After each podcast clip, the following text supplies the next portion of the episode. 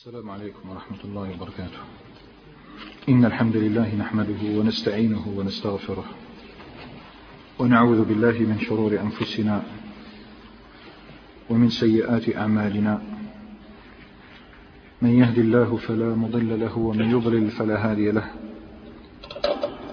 وأشهد أن لا إله إلا الله وحده لا شريك له وأشهد أن محمدا عبده ورسوله. صلى الله عليه وعلى آله وصحبه وسلم تسليما كثيرا. أما بعد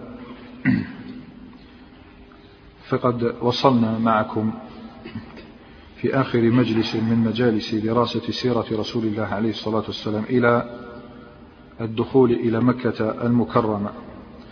وقفنا على مشارفها طويلا أين بات رسول الله عليه الصلاة والسلام وأصحابه الكرام. وحينها رأينا إسلام أبي سفيان رضي الله تعالى عنه وكيف هداه الله سبحانه على يدي رسول الله عليه الصلاة والسلام بحكمته البالغة وطريقته التي لا تدانيها طريقة وبدأ الجيش يتحرك بعد ذلك إلى مكة وكأن رسول الله عليه الصلاة والسلام أحس أن هناك من يريد أن يكدر صفو هذا اليوم ويوم فتح مكة. لا شك أن هناك أوباشا كما سماهم هو بنفسه عليه الصلاة والسلام يريدون أن يقحموا قريشا في أحواض كبيرة من الدماء. فأمر بعض الأنصار وأمر جميع الأنصار أن يذهبوا إلى جهة الصفا وينتظروه هناك ومن لقيهم من المشركين حاملا السلاح فقال احصدوهم حصدا. وأيضا عندما قسم الجيش إلى أقسام ثلاثة على القسم الأول خالد بن الوليد يدخل من أسفل مكة وعلى القسم الثاني وهم الحصر على رأسهم أبو عبيدة بن الجراح. هؤلاء يدخلون من بطن الوادي أي في وسط مكة و رسول الله عليه الصلاة والسلام ومن معه هم الكتيبة الخضراء المدرعة. هؤلاء دخلوا من الطريق الذي أمر به الزبير بن العوام أن يسلكه وهو كداء. رأينا كيف اختار رسول الله عليه الصلاة والسلام الدخول من كداء من قصيدة حسان بن ثابت رضي الله تعالى عنه.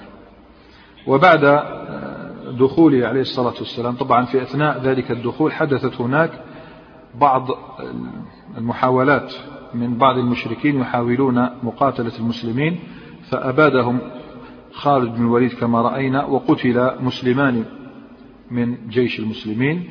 ذلك لأنهما اعتزل كان يسيران عزلا مع غير المسلمين المهم رسول الله عليه الصلاة والسلام دخل مكة وفتحها الله سبحانه وتعالى عليه رأينا صفته وهيئته كيف دخل لم يدخل رافعا رأسه ومفتخرا على الناس بل دخل مطأطئا رأسه حتى كاد يمس حتى كاد يمس الرسول عليه الصلاة والسلام بلحيته يمس رحل الناقة التي تحمله. وفي معه من؟ لم قلنا لم يكن على يمينه ولا عن يساره. زعماء المسلمين لا أبو بكر ولا عمر ولا سعد بن عبادة ولا أي أحد من الزعماء بل كان عن يمينه بلال بن رباح وكان مردفا أسامة. يعني رجلان يحتقرهما العرب جميعهم لأنهم آه، كان آه، موالي كان عبدين.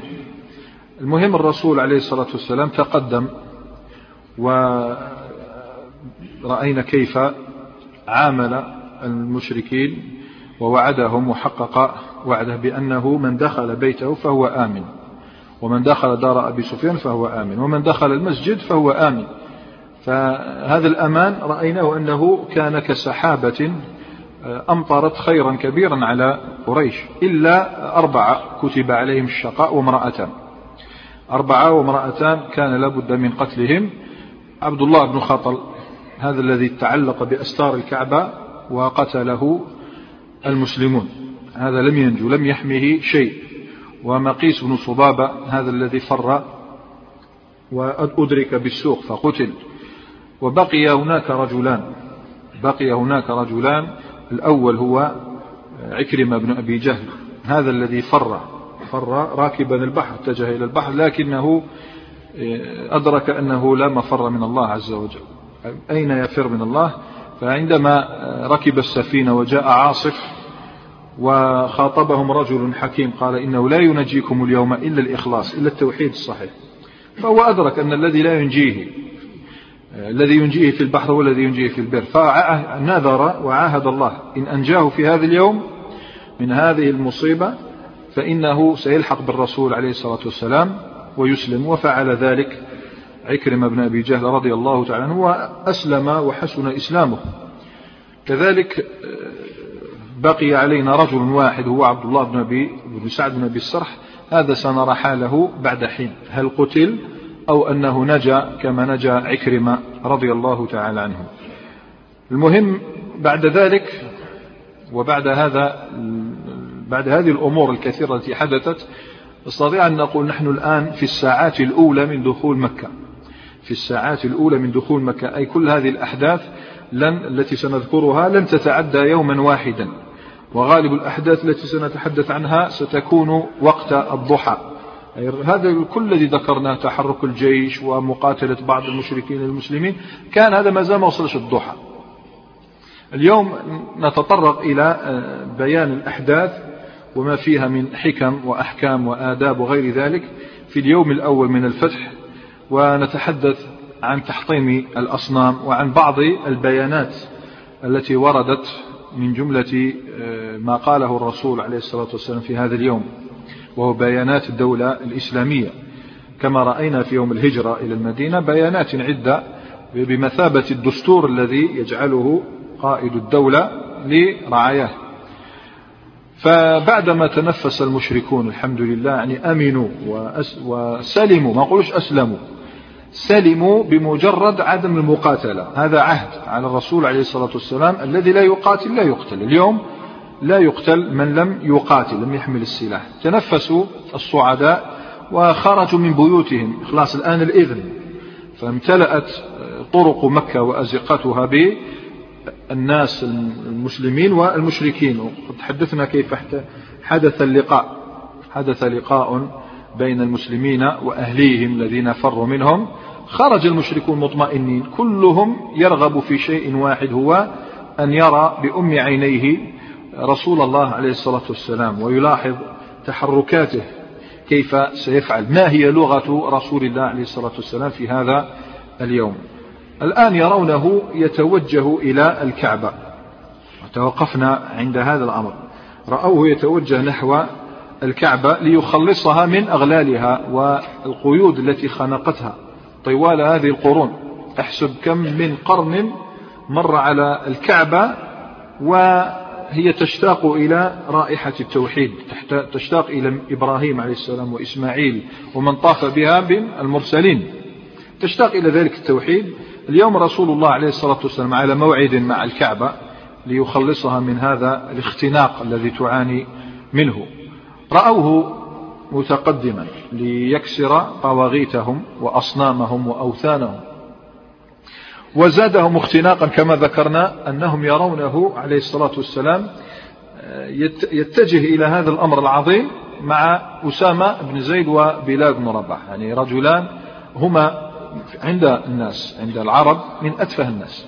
عند الناس العرب في ذلك الزمان هم من أتفه الناس. لذلك الرسول عليه الصلاة والسلام بين بين هذا الأمر أن المولى وإن صار معتق من بعد العرب تستنكف أن يكون عليهم أميرا. لذلك قال وإن تأمر عليكم عبد حبشي وإن صار عليكم أمير عبد كان عبد حبشي اقبلوا إمارته. هذا يدل على أن العرب لا تحتمل أن يكون المولى الذي كان عبدا من قبل ثم أعتق أن يكون سيدا عليهم. غيظ كان على صدورهم وكل زعيم من أولئك الزعماء. حتى أبو سفيان كان يتمنى لو أنه كان بجانب الرسول عليه الصلاة والسلام في مثل هذه اللحظات لحظات النصر والفتح. مشى رسول الله عليه الصلاة والسلام إلى الكعبة وحولها أقول حولها وفوقها ثلاثمائة وستون صنما بعدد الأيام. كانوا 360 صنم حول وفوق الكعبة. مشى نحوها والمسلمون ينتظرون هذه اللحظات. آه، بفارغ الصبر منذ زمان بعيد وينتظرون الوقت الذي ستسقط فيه أوهام المشركين الذين كانوا يعظمون أوثانا لا تسمن ولا تغني من جوع. روى البخاري ومسلم عن, عن ابن عمر رضي الله تعالى عنهما قال قدم رسول الله عليه الصلاة والسلام يوم الفتح فنزل وأناخ. أناخ بمعنى وضع الناقة وربطها وأناخ بفناء الكعبة. شوف الرسول عليه الصلاة والسلام الناس كلهم يشوفوا فيه ينزل وينيخ دابته بفناء الكعبة. في رواية لمسلم عن أبي هريرة تفصيل أكثر. يقول وأقبل رسول الله عليه الصلاة والسلام. أول شيء تفعله إذا دخلت المسجد المسجد الحرام أن تأتي الحجر الأسود. تبدأ تقبل الحجر الأسود وتطوف بالبيت. هذا أول شيء لابد أن تفعله. سواء كنت حاجا أو معتمر أو غير حاج معتمر. يعني الطواف قلنا عبادة مستقلة. عندهاش دخل بالحج والعمرة؟ حتى لو كنت من أهل مكة حتى لو أكملت عمرتك. أردت أن تطوف بالبيت الطواف بالبيت صلاة. أردت أن تصلي وأن تتقرب إلى الله بالطواف فافعل. فالرسول عليه الصلاة والسلام أقبل إلى الحجر الأسود فاستلمه. ثم طاف بالبيت. فأتى طبعا هو يطوف بالبيت مشكلة يطوف بالبيت والأصنام موجودة يعني هنا. فكان إذا أتى على صنم كل ما يمر بصنم إلى جنب البيت الذي كانوا يعبدونه من الأصنام وفي يده عليه الصلاة والسلام قوس. قوس الذي القوس الذي ترمى به السهام وهو آخذ بسية القوس أي بطرفه بالقوس هكذا. فلما أتى على الصنم جعل يطعنه في عينه عليه الصلاة والسلام. جعل يطعن في عين الصنم ويقول جاء الحق وزهق الباطل. جاء الحق وزهق الباطل. ربما كان هذا الصنم الذي يذكر أبو هريرة هو هبل الذي كان يتغنى به آه، أبو سفيان يوم أحد. أعلو هبل وأعلو هبل. ربما كان غيره. قلنا كانوا ثلاثمائة آه، صنم وستون. بدأ بهذا الصنم فطعنه في عينه وأسقطه وأسقط من كان معه وحوله من الأصنام. هذا هو مصيرها مصيرها السقوط والإسقاط. روى لنا البخاري أيضا عن ابن مسعود رضي الله تعالى عنه وأرضاه قال دخل النبي صلى الله عليه وسلم مكة وحول الكعبة ثلاثمائة وستون نصبا فجعل يطعنها بعود في يده يطعنها بعود في يده وجعل يقول جاء الحق وزهق الباطل جاء الحق وزهق الباطل. وكان هذا الصوت ذكرنا لكم أن هذا الصوت الذي تحدثه أو يحدثه ارتطام الأصنام بالأرض بمثابة الدف في قلوب المؤمنين لأنه عرس اليوم للمسلمين. وبمثابة الزلزال العنيف في قلوب الكافرين والمشركين فهم لا يزالون على شركهم ما أسلموا بعد. وتم الطواف بالبيت تم الطواف بالبيت العتيق سبعة أشواط كاملة طافها رسول الله عليه الصلاة والسلام وهذا طواف لم يفعله أحد. قبل رسول الله عليه الصلاة والسلام ولا بعده. يعني ما كاش واحد طاف بالبيت في الوقت نفسه يكسر الأصنام إلا رسول الله عليه الصلاة والسلام. تم تطهيره من تلك الأخشاب والحجارة التي كانت ملقاة حول الكعبة وفوقها واكتشف الوثنيون حينها أنهم ما كانوا يعبدون إلا نفايات. نفاية. نفايات التي تطرح سرعان ما حملها المسلمون. الرسول يكسر وهم يحملونها إلى أين؟ لا ندري. ربما ألقوها في المزابل. وربما ألقوها خارج الحرم. يريدون أن يطهروا الحرم مو بس المسجد. لا ندري أين رموا بها. المهم هم يرون الآن ما سموه بآلهتهم في تلك الأيام. الآن يلقى مع النفايات والفضلات. طهرت الكعبة من الخارج. صح لكن بقي تطهيرها من الداخل. فكذلك ينبغي تطهيرها من الداخل. أراد الرسول عليه الصلاة والسلام إذن أن يكمل مهمته وأن يواصل رسالته. فتطهير الكعبة من أعظم الأمور التي ينبغي القيام بها في هذا اليوم. لكن الكعبة مغلقة المشكلة. الكعبة لها مفتاح والقيام على الكعبة من شؤونها الداخل. هذا يقوم به السادن السادن الذين لهم السدانة سدانة البيت معروفة. يعني شيء يتوارث مع الأجيال. هذه السدانة أو إن شئت فسميها بالحجابة. الحجابة مأخوذة منين؟ من الحاجب يعني الإنسان الذي يحرس. إذا إنسان كان إنسان بيده مفتاح الكعبة هو الوحيد الذي يقوم على شؤونها داخل داخلها. هي في يد أسرة. أسرة تتوارث هذا الأمر. شوفوا الأمر كيف كان في الأول. قصي ليدرس نسب الرسول عليه الصلاة والسلام يصل إلى قصي. قصي بن الجد الأكبر لرسول الله عليه الصلاة والسلام. هذا هو كان الزعيم الأكبر في لدى العرب وكان لا يفعل أمر إلا بمشورته ولا يعقد ولا يفعل شيء إلا بمشاورته في داره يعني كان قصي هذا زعيم من زعماء آه، قريش. فلا يتم أمر إلا به. وكان له أربعة من الأولاد يهمنا منهم اثنان. عبد مناف هذا جد رسول الله عليه الصلاة والسلام الأكبر. هذا جد الرسول عليه الصلاة والسلام الأكبر عبد مناف وعبد الدار. هذا قصي أعطى عبد مناف سقاية الحجيج والرفادة يعني القيام على شؤون الحجيج وهذا أمر عظيم. أمر عظيم يعني تسقي تتكلف أنت بسقاية الحجيج ورفادتهم أي ما داموا ضيوفا. هذا كان في بني عبد مناف أي جد الرسول عليه الصلاة والسلام أكبر والحجابة أعطاها لابنه عبد الدار لذلك الذين أمسكوا الحجاب من هم؟ بنو عبد الدار. والذين أمسكوا السقاية والرفادة هم بنو عبد مناف جد الرسول عليه الصلاة والسلام. في هذا اليوم نرى الحفيدان يتقدمان. رسول الله عليه الصلاة والسلام زد وطلحة وعثمان بن طلحة ابن عبد الدار. عثمان ابن طلحة يتقدم اليوم الحفيدان أحدهما غالب والآخر مغلوب. المفاتيح أراها يا عثمان ابن طلحة. ما يش عنده اليوم؟ تعرف أين هي؟ عند والدته. المفاتيح الآن راه عند والدته وهذه الوالدة لا تزال مشركة. أمه لا تزال مشركة وغرها حلم رسول الله عليه الصلاة والسلام. الرسول عليه الصلاة والسلام رأيناه كيف كان حليما وأوفى بوعده أنه لا تراق قطرة دم إلا أربعة استثناء. هذه المرأة أبت أن تسلم المفاتيح. أبت أن تسلم المفاتيح. ما الذي حصل؟ يروي لنا ذلك وسجله لنا ابن عمر روى المسلم عنه عن ابن عمر رضي الله تعالى عنهما قال أقبل رسول الله عليه الصلاة والسلام عام الفتح على ناقة لأسامة بن زيد حتى أناخ بفناء الكعبة. ثم دعا عثمان بن طلحة فقال ائتني بالمفتاح. ائتني بالمفتاح. كلام طيب. فذهب إلى أمه فأبت أن تعطيه. فقال شوف الولد كيف تحول. فقال والله لتعطينيه والله لتعطينه أو ليخرجن هذا السيف من صلبي. أي سأخرج هذا السيف وأقتل به نفسي. فعندئذ أعطته إياه فجاء به إلى النبي عليه الصلاة والسلام فدفعه إليه. وأمسك المفتاح. وفتح الباب ولم يدخل. مش عم دخل ولكن الرسول عليه الصلاة والسلام لم يدخل. لماذا لم يدخل؟ وهذه أمور مهمة ندرسها في سيرة الرسول عليه الصلاة والسلام.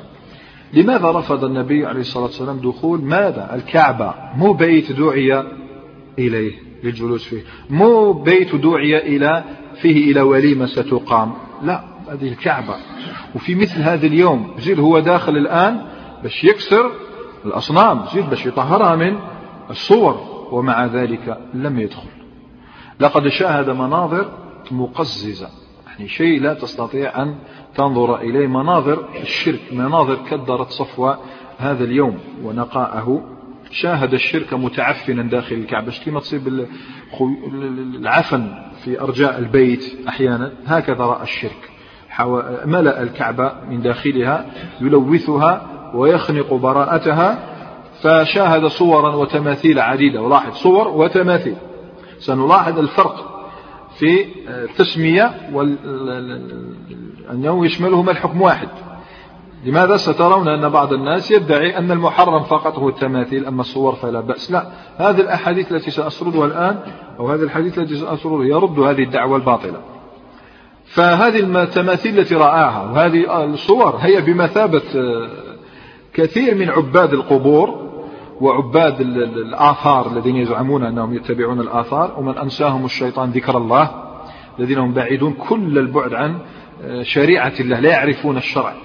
في نظر هؤلاء عباد القبور أقول وفي نظر من آه، يتمسح بمسألة الآثار وغير ذلك هذه تعتبر تحف. يدخل يسب الكعبة فيها مثل هذا الأصنام هذه تحف يخبيها وينظفها ويعلقها وما أدري ماذا ويأمر بالاحتفاظ بها والمحافظة عليها. الرسول عليه الصلاة والسلام يعطيك درس اليوم. يعطيك درس عملي أنه لمن لمن يعظمون الآثار ويعظمون الآثار ولو كانت فيها مخالفة لشرع الله. وتدركون لماذا أقول هذا ها؟ تتذكرون جيدا الحملة التي أقيمت على المسلمين مثلا في أفغانستان يوم كسروا آه، الأصنام. كسروا الأصنام لأنها لأنها كانت تعبد من دون الله وزيد أصنام مهما سميتها فهي أصنام. فهذه الحملة التي أقيمت بغير حق والرسول صلى الله عليه وسلم فعل ذلك. هي قلت لنظر الناس يزعمون أنها آثار وتحف ينبغي المحافظة عليها وتاريخ. الرسول عليه الصلاة والسلام لا يعرف هذه الفلسفة وألغى هذه المصلحة ألغاها. يعني هذه مصلحة ملغاة. معرفة التاريخ بهذه الآثار وغير ذلك ملغاة. ما دامت أصنام تعبد من دون الله أو كانت تعبد من دون الله أو توحي إلى الشرك بالله فينبغي أن تحطم ولا تقع رفض دخولها حتى يتم تطهيرها. لأن الحال يختلف. إذا كنت خارج برا إذا كنت خارج برا أنت الآن راك في الفضاء يسمى الفضاء. لا حكم لك في الفضاء.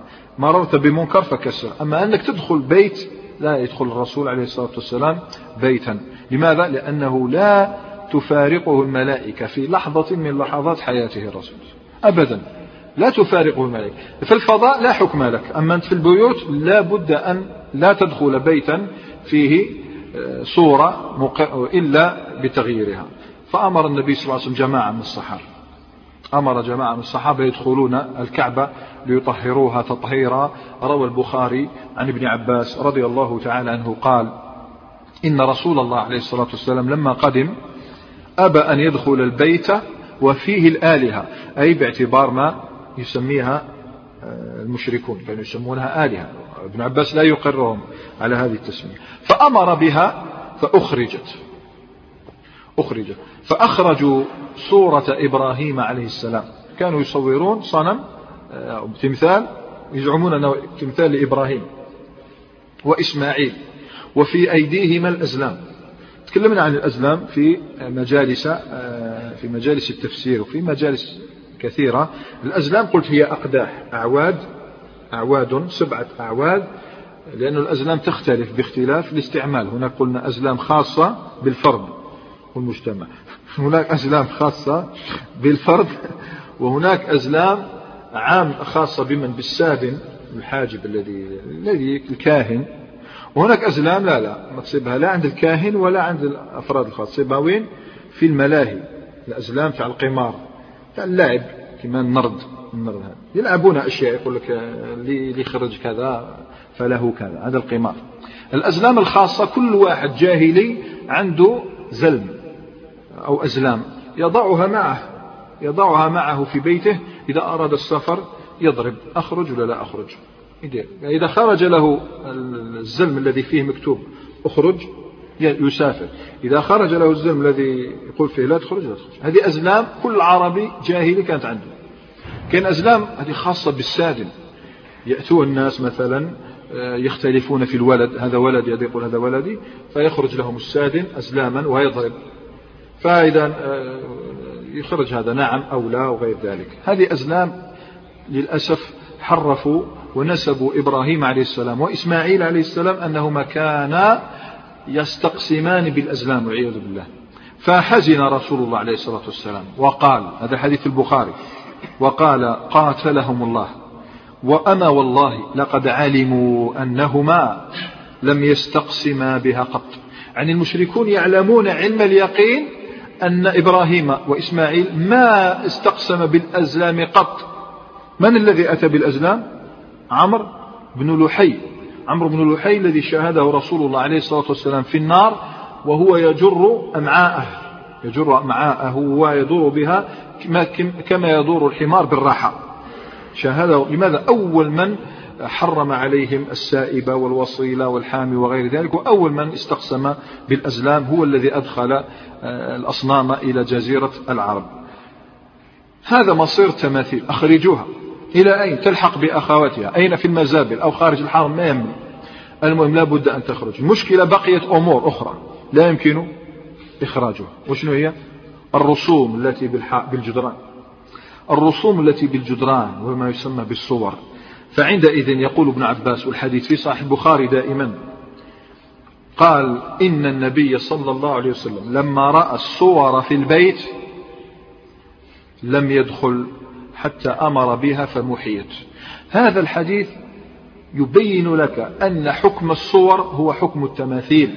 ليس كما يدعي من يريد أن يسهل على الناس بغير حق. التسهيل نوعان تسهيل بحق امسح على الخفين. تيمم. هذا بس تيسير بحق هذا هو التيسير. لكن أنك تأتي إلى شيء محرم تحرفه وتحله للناس باسم التيسير هذا في الحقيقة صار تعسير تدخل الناس للنار. فهنا نلاحظ الرسول عليه الصلاة والسلام ما فرق بين الصور والتماثيل. قال فأمر بها فمحيت جميعها. قال عندئذ فدخل البيت. شوف سبحان الله. دخل البيت. من هنا لا يجوز للمسلم أن يبقي صورة أو تمثالا في بيته. لا بد أن يطمسه وذكرنا لكم من موانع إجابة الدعوة أنك لا تجيب دعوة في بيت يكون موجود في مثل هذه الأمور إلا إذا ذهبت وأنكرت. ثم تنصرف. إن إذا آه، أخذ بقولك فادخل. وإلا فانصرف وعد راشدا سالما غانما. دخل البيت. أتدرون من دخل معه؟ لم يدخل معه لا أبو بكر ولا عمر ولا عثمان. ولا علي بن أبي طالب ولا أحد زعماء المسلمين بل دخل معه أيضا أسامة وبلال بن رباح طبعا وعثمان وطلحة يدخل. لماذا؟ لأنه هو الحاجب الرسول يحترم مثل هذه الأمور.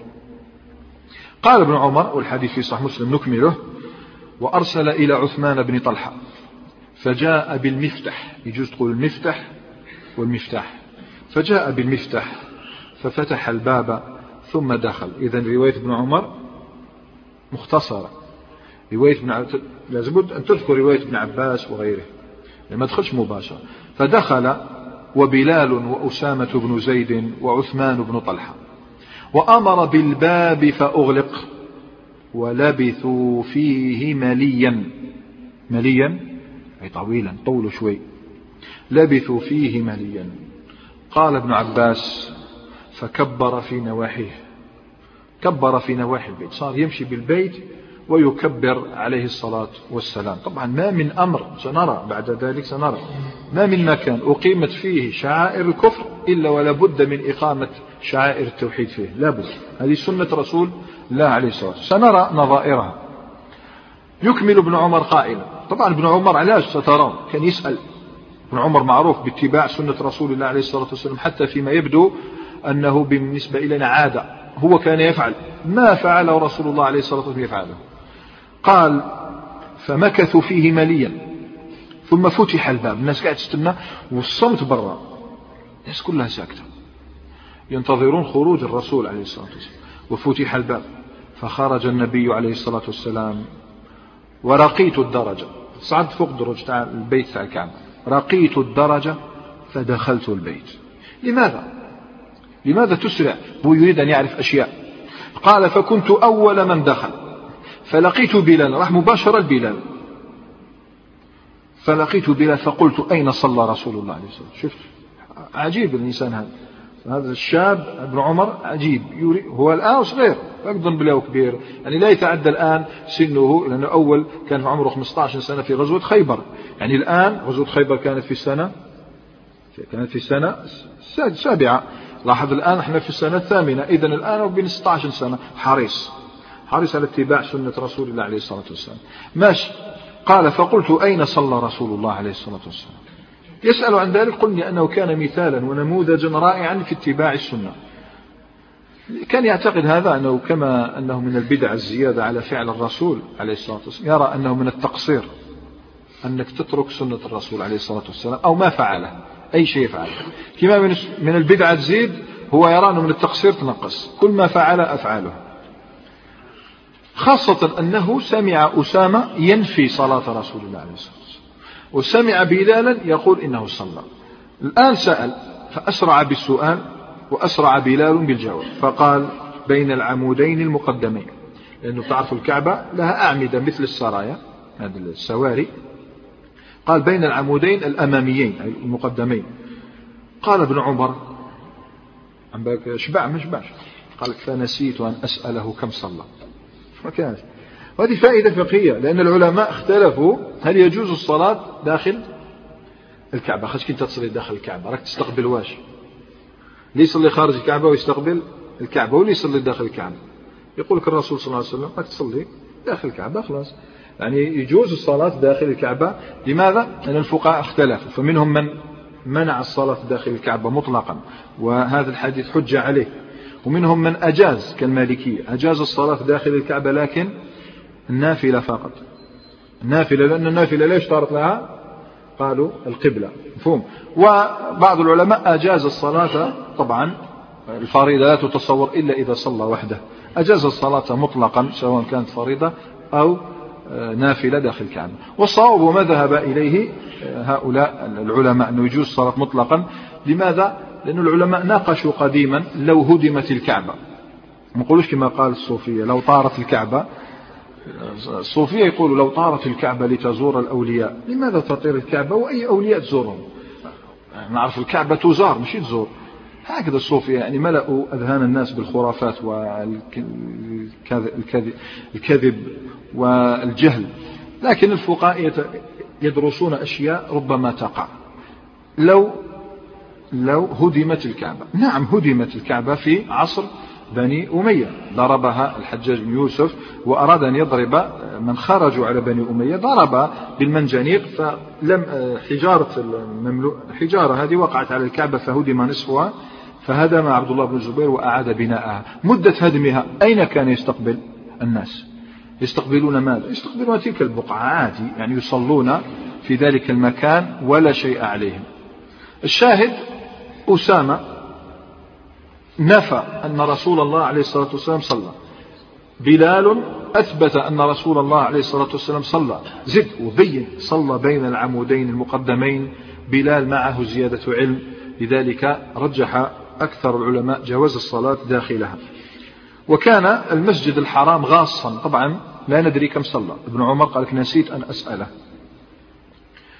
كان المسجد غاصا بالناس بالمؤمنين المتزينين بفتح الله سبحانه وتعالى عليه. يعني عجيب. يعني شيء عجيب وتحدثنا عن هذا المشهد يعني لا يتصور.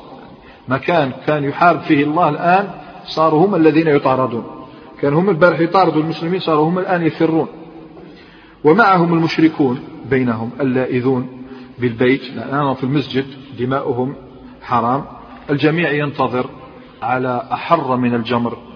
بيان رسول الله عليه الصلاة والسلام الأول لأنه هناك بيان ثاني سنراه إن شاء الله. ما هي لغة رسول الله عليه الصلاة والسلام في هذا اليوم؟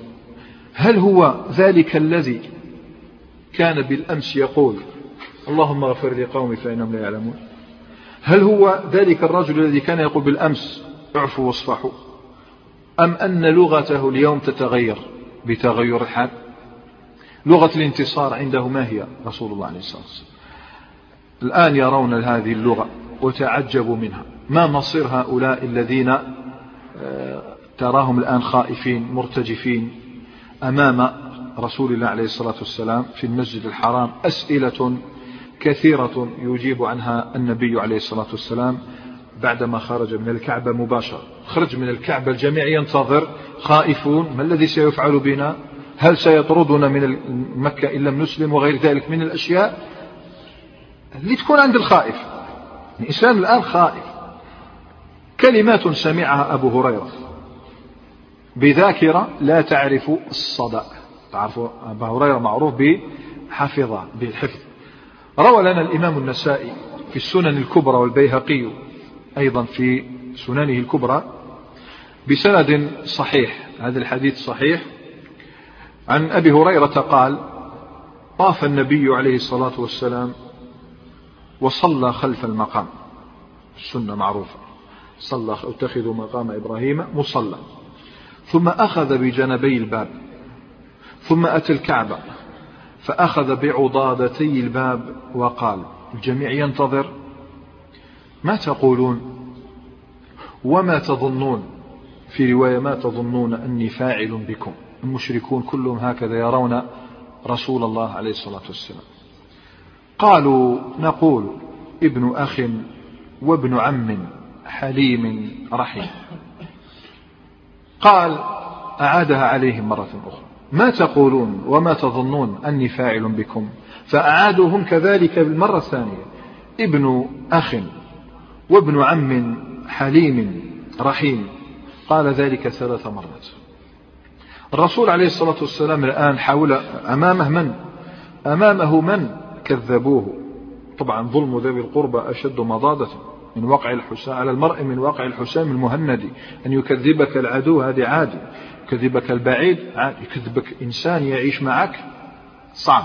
فغيرهم يكذبك من باب أولى. لذلك ظلم ذوي القربى أشد مضاضة على المرء من وقع الحسام المهند.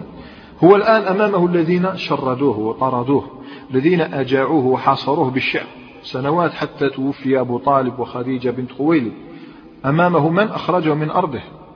أمام من قاتله قبل أيام فقط؟ أمامه من نقض العهد وأقروا نقض العهد. يعني لا شك أنهم ينتظرون الآن حكما قاسيا عليهم فأقال أقول لكم كما قال يوسف عليه السلام لا تثريب عليكم اليوم يغفر الله لكم وهو أرحم الراحمين. لا تثريب أي لا لوم ولا عتاب ولا عقاب عليكم اليوم يغفر الله لكم وهو أرحم الراحمين. هنا هما كانوا ساكتين لكن ازدادوا سكوتا. خرست الألسنة وحارت العقول وفارغت الأفئدة الأفئدة فارغت يقول فارغت مع ما يفكر إلا في شيء واحد من أين من أين جاء هذا الرجل عليه الصلاة والسلام؟ يفكر في مقدار هذه العظمة التي اتصف بها رسول الله عليه الصلاة والسلام. عظمته وهو ضعيف وعظمته وهو قوي عظمته وهو يطرد ويعذب وعظمته وهو قائد. يحكم الأمر اليوم والحكم اليوم في يده عليه الصلاة والسلام. أي رجل هذا وأي قائد هذا؟ كأنهم يقولون هذا الرجل الذي طاردناه ودسناه بالأمس بأقدامنا هذا الرجل الذي حملنا القاذورات بأيدينا وألقيناها عليه ضاحكين بملء أفواهنا الذي كذبناه وعذبناه وأخرجناه ووصلنا معه العداء وقاتلناه. يسود اليوم ويحكم اليوم ويقول لا تثريب عليكم. لا انتقام للذات ولا للعشيرة ولا للأهل ولا لنفسه ولا لأي شيء. لماذا؟ لم يأخذ سبيا لم يأخذ مالا لم يأخذ دارا لم يأخذ بيتا بل لم يأخذ خيمة ما فعل شيئا من ذلك عليه الصلاة والسلام. ترك كل شيء لله. ترك كل شيء لله. لماذا؟ لأنه حارب لله ودعا لله. لماذا لا يتركهم؟ لله. إذا من كانت دعوته لله فإنه يعفو ويصفح عند المقدرة. نبي بمثل هذه المثابة لا شك أو رجل بمثل هذه المثابة لا يعني هذه الخصال لا يؤتاها إلا نبي. هذه الخصال الآن لا يؤتاها إلا نبي. فهذه الصفات تشتاق يشتاق لها من؟ مش أهل الأرض أهل الجنة يشتاقون إليها. أهل الجنة يشتاقون إليها وجعل الله عز وجل أهل الجنة جزاء من اتصف بهذه الصفات. استمع إلى الحديث الذي رواه الإمام أبو داود والترمذي وغيرهما. عن معاذ بن أنس الجهني قال قال رسول الله عليه الصلاة والسلام شوف شوف هذه الصفات يشتاق لها أهل الجنة لما اشتاقوا لها أهل الجنة أعطاهم الله عز وجل أهل الجنة أعطاهم هذاك الإنسان اللي يتحلى بهذه الأخلاق. قال عليه الصلاة والسلام من كظم غيظا. كظم الغيظ بمعنى حكم حكم الزعاف نتاعو اللي في الله.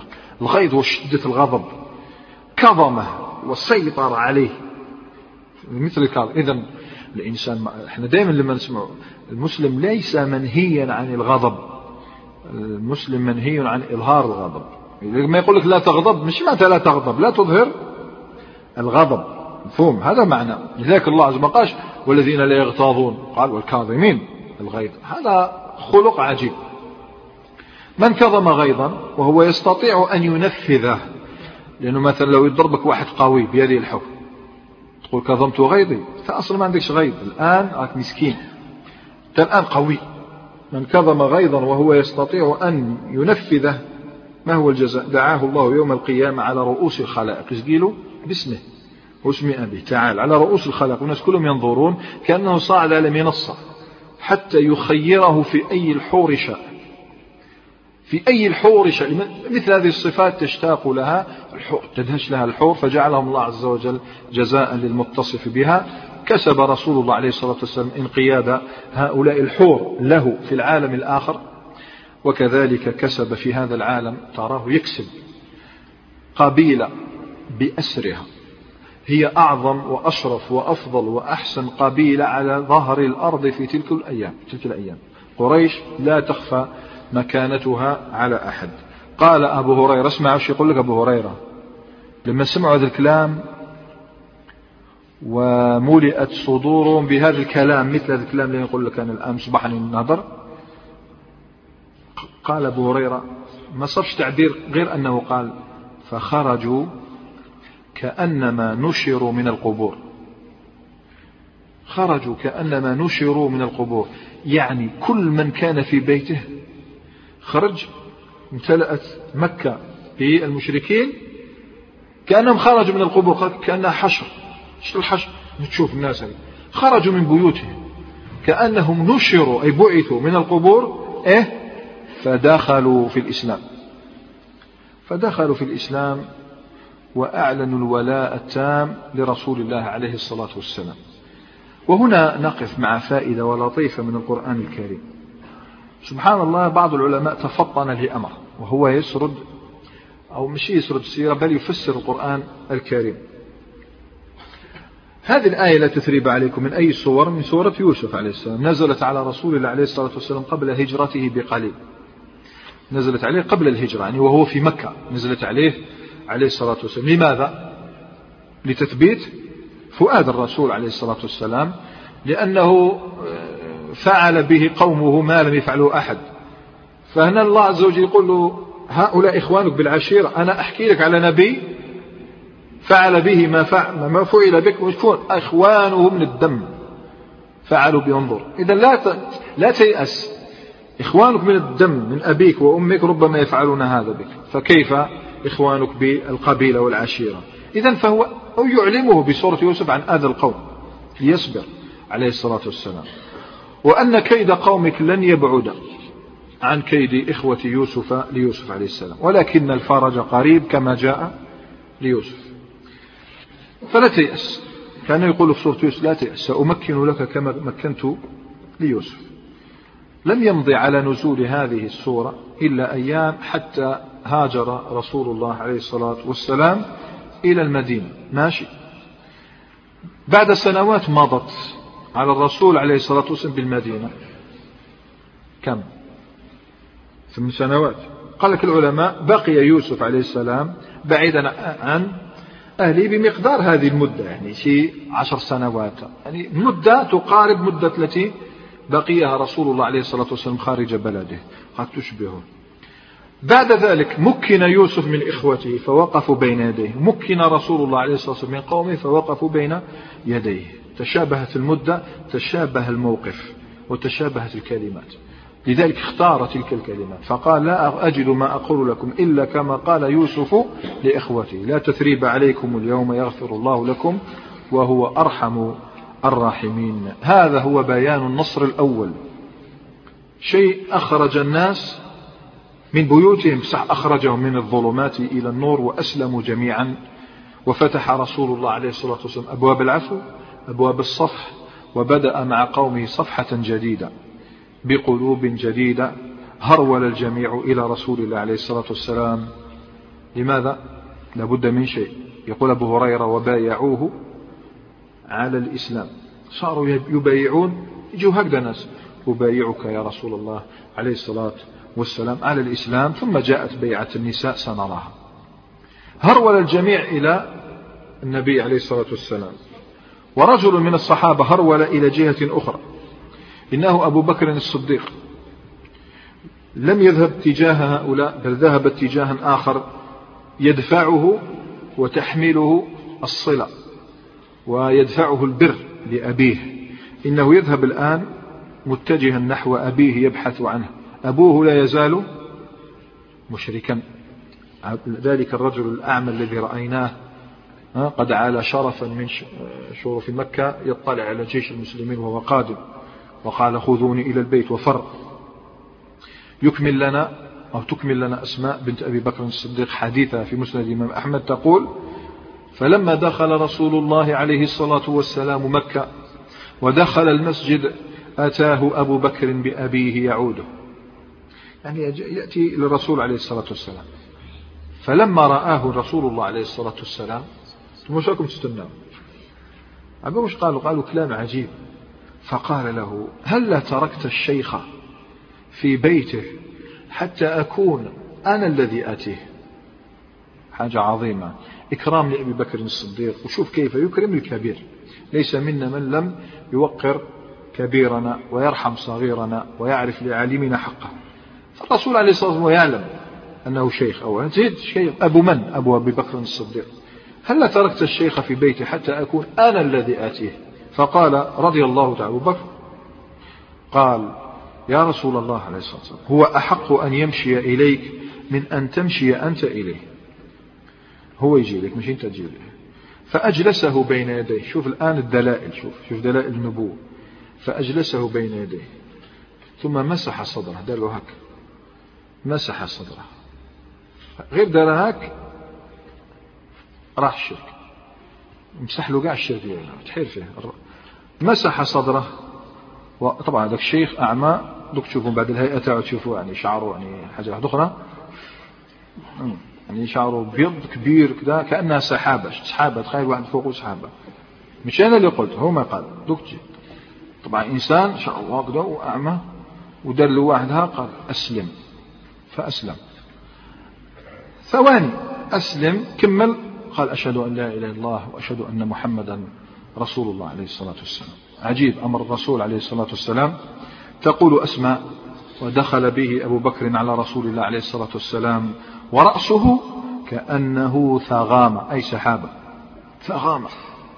فقال رسول الله عليه الصلاة والسلام غيروا هذا من شعره. يعني تغير القلب نتاعه فغيروا هذا من شعره.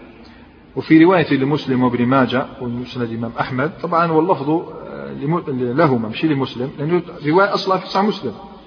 عن جابر قال جيء بأبي قحافة يوم الفتح إلى النبي عليه الصلاة والسلام وكأن رأسه ثغام أي سحابة. فقال رسول الله عليه الصلاة والسلام اذهبوا به إلى بعض نسائه فلتغيره. شو معنى تغيره وجنبوه السواد. وش فهمنا التغيير هنا؟ وش فهمنا؟ الصبغة ولا الصبغ يعني يصبغوا شعرة.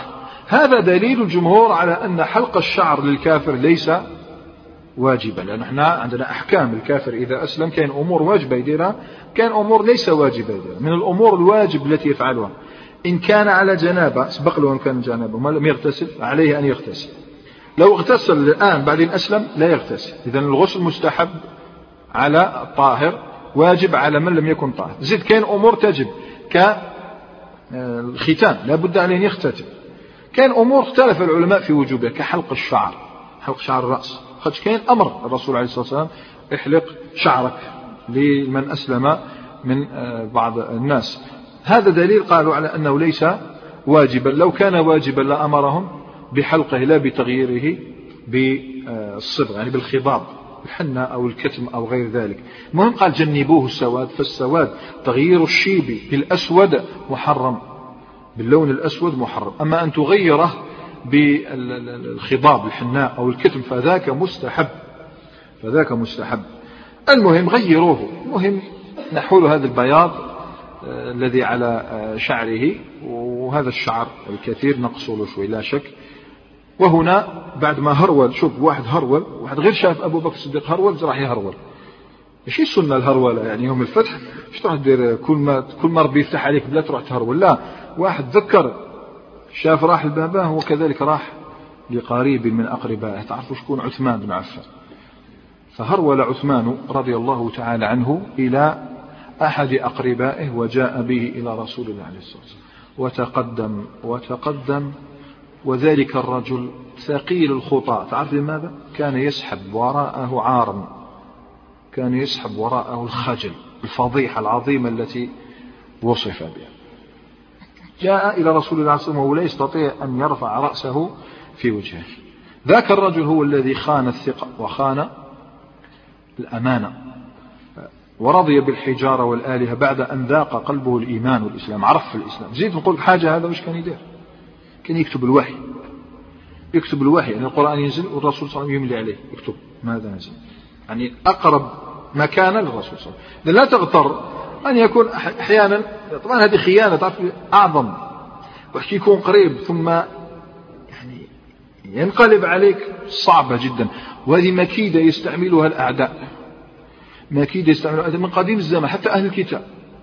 آمنوا بالذي أنزل على الذين آمنوا وجه النهار واكفروا آخره. يعني في الصباح آمنوا في الليل قولوا الله الدين عيان الناس قاعد يشكوا. قلت لو كان حقا لبقوا فيه. وهذا الشيء يستعمله الناس كثيرا.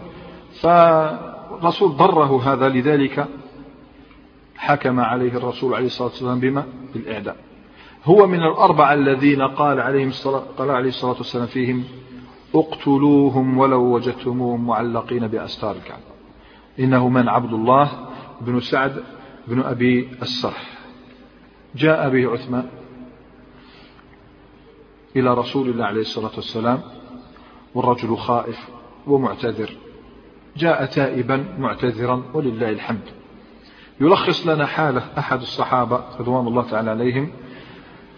تلك المصيبة التي وقع فيها فقد روى أبو داود والنسائي عن ابن عباس رضي الله تعالى عنهما قال كان عبد الله بن سعد بن أبي الصرح يكتب لرسول الله عليه الصلاة والسلام فأزله الشيطان فلحق بالكفار فأمر به رسول الله عليه الصلاة والسلام أن يقتل يوم الفتح. مرتد مرتد يقتل. فاستجار له عثمان رضي الله تعالى عنه استجار لأنه قريب. فأجاره رسول الله عليه الصلاة والسلام. عندك هكذا جابه عندك جابه هكذا؟ قاش كيف تقرأ هذا الحديث؟ تقول عادي يعني جابوا قالوا يا رسول أجر أو في جواري بايعه على الإسلام الله بايعته. لا. التفصيل يأتيك في رواية أخرى. لما انتهوا الناس يبايعوا. عثمان بن عفان شادوا ويقولوا تعال يقول اصبر. لا شك أنه قال اصبر. ما كنتش معه لكن لا شك. علاش جاوا في نهاية البيعة؟ يختلي برسول الله عليه الصلاة والسلام. سعد بن أبي وقاص الذي ذكر لنا الحديث الذي فيه قتل الأمر بالقتل قتل الأربعة. يكمل لنا الحديث فيقول وأما عبد الله بن أبي صرح فإنه اختبأ عند عثمان بن عفان رضي الله تعالى عنه فلما دعا رسول الله عليه الصلاة والسلام الناس إلى البيعة صاروا يأتون جاء به حتى أوقفه على النبي عليه الصلاة والسلام.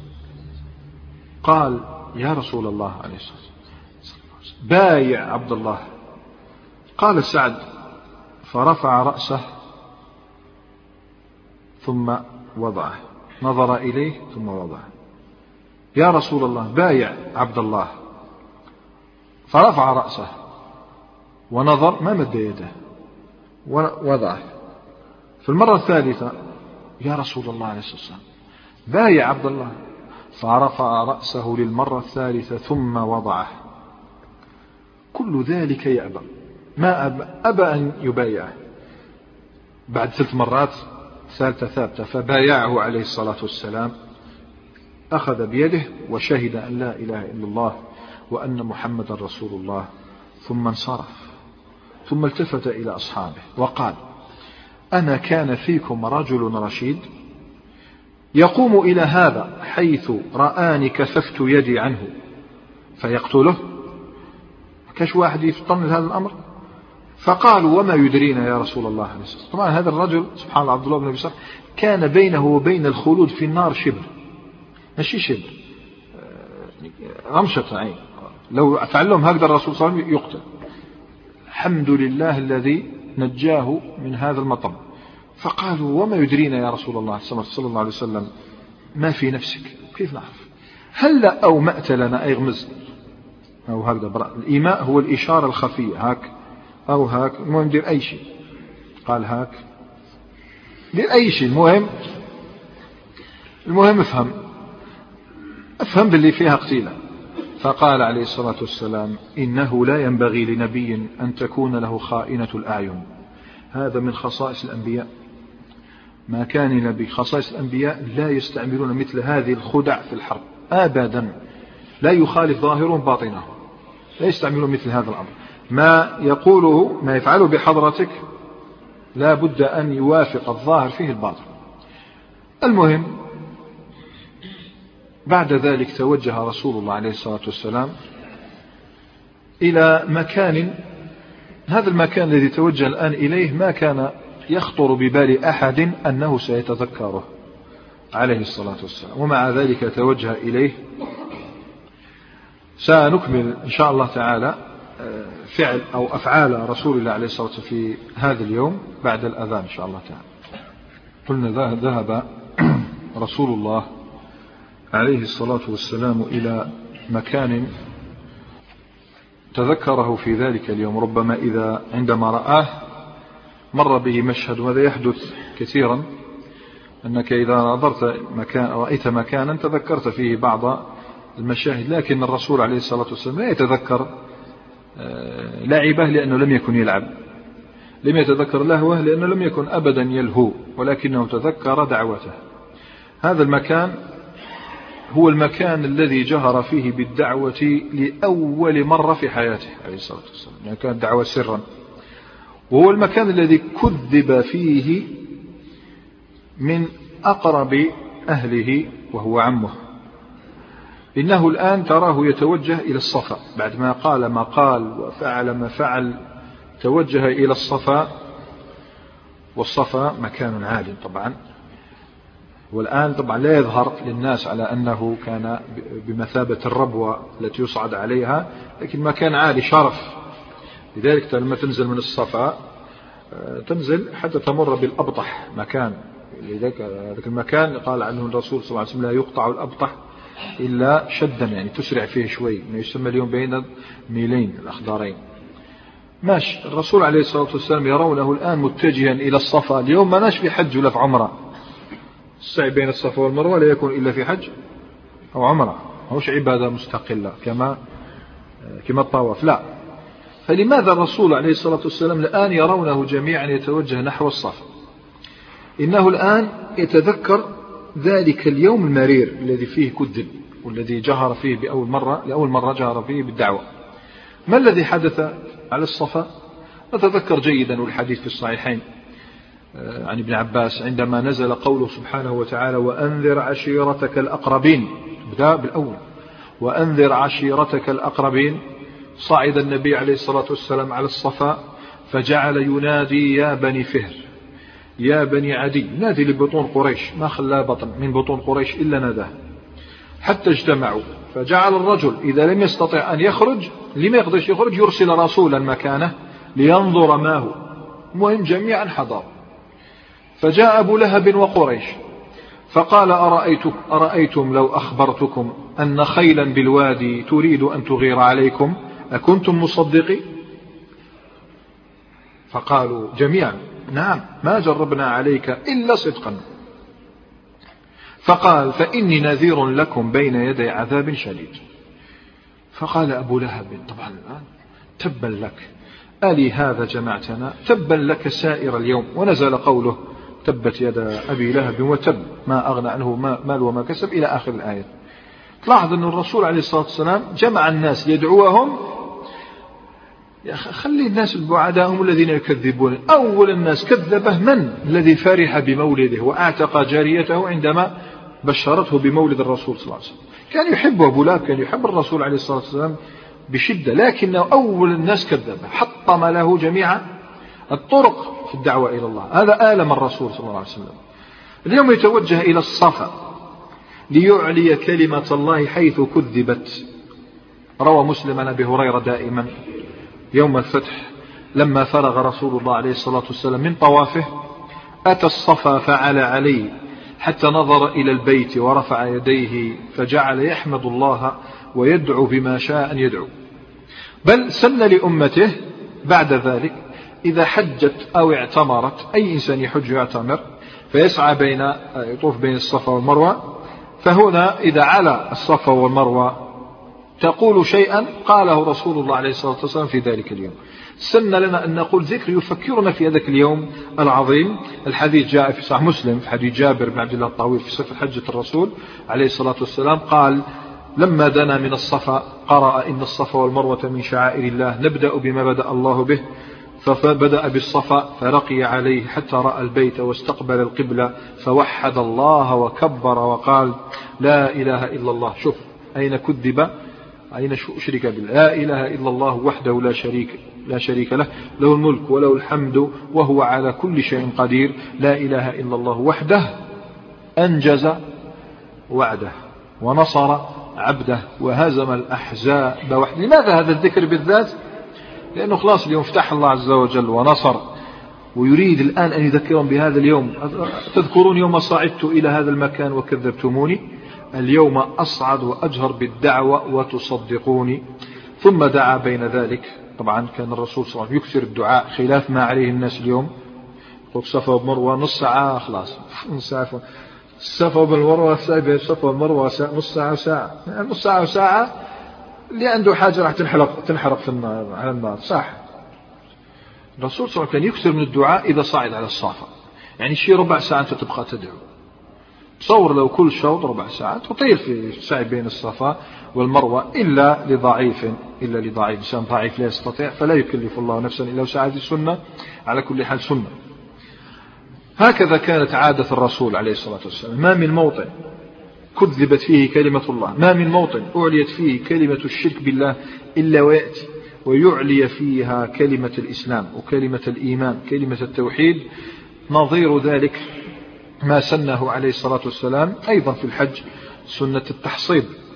سنة التحصيب التحصيب هو النزول بالمحصب. المحصب هو مكان آه، في خيف بني كنانة يعني بين منى ومكة. بين منى ومكة تنزل اليوم الحجاج قل من يفعل إلا من يدرس السنة. يدرس السنة المفصلة في الحج. هذا يدرك هذه السنة. ينزل بين مكة, مكة والمدينة وهو ذاهب إلى منى في اليوم الثاني. ينزل هناك ويكبر ويدعو الله عز وجل. هذا آه، يدل عليه ما رواه البخاري ومسلم عن أبي هريرة رضي الله تعالى عنه أن الرسول صلى الله عليه وسلم قال لهم وهم بمنى نحن نازلون غدا بخيف بني كنانة. لماذا؟ كملوا الحديث حيث تقاسموا على الكفر. اللي كان معنا في الدروس الأولى؟ هذا الأمر كنا نعرفه. تذكرون لما تآمر المشركون جميعهم على أن يعادوا بني عبد المطلب وأن لا يبايعوهم ولا ينكحوهم نساءهم حتى يسلموا لهم رسول الله. تذكرون؟ القطيعة المعاهدة التي تعاهد فيها المشركون على قطع وهجر الرسول صلى الله عليه وسلم. أين فعلوها؟ فعلوها في خيف بني كنانة. فهمت؟ في خيف بني كنانة. فقال أبو هريرة ذلك لأن قريشا وبني كنانة تحالفت على بني هاشم وبني المطلب أن لا يناكحوهم ولا يبايعوهم.